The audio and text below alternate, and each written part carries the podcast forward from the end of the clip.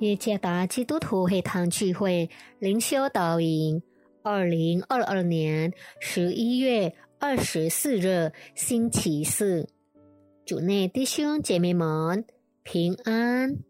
今天的灵修导引，我们会借着圣经约伯记第六章第十五节来思想今天的主题：我们所亲近的人叫我们失望。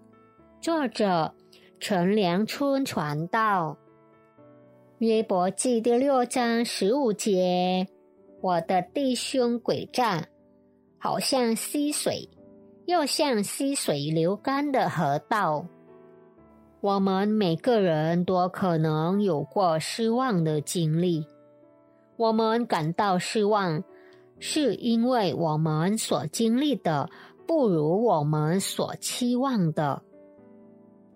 一个不尽责任工作的儿子，较为父的感到失望；一个生活随心所欲、对父母、兄弟姐妹甚至朋友漠不关心的儿子，叫人感到失望。我个人也常对自己那自私自怜的胞兄感到失望。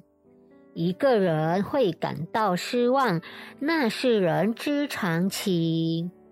在我们与自己最亲近的人之间，也会有失望的时候。在今天的灵修经文中，我们看到约伯也对他的朋友们感到失望。约伯盼望。朋友们的到来会对他表示同情，而不是批评。可是，朋友们的看法却叫约伯失望。他们指责约伯，认为约伯受到惩罚是因着他的行为。参看第四节，这就是让约伯感到失望的原因。约伯后来做了什么呢？他为朋友们对他的态度感到难过。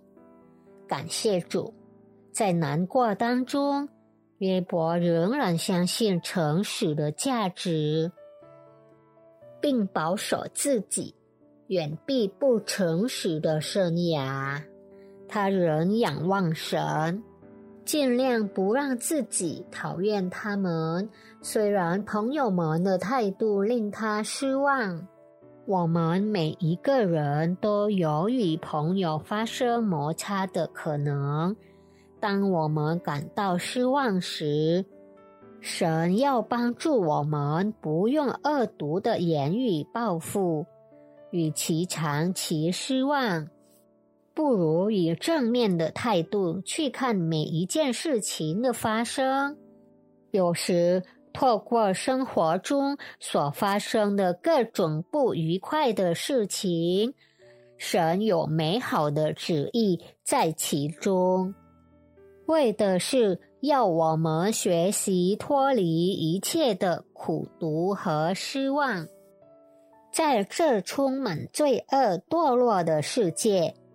若有朋友让你失望，不用感到惊讶，因为我们或许也常叫人失望。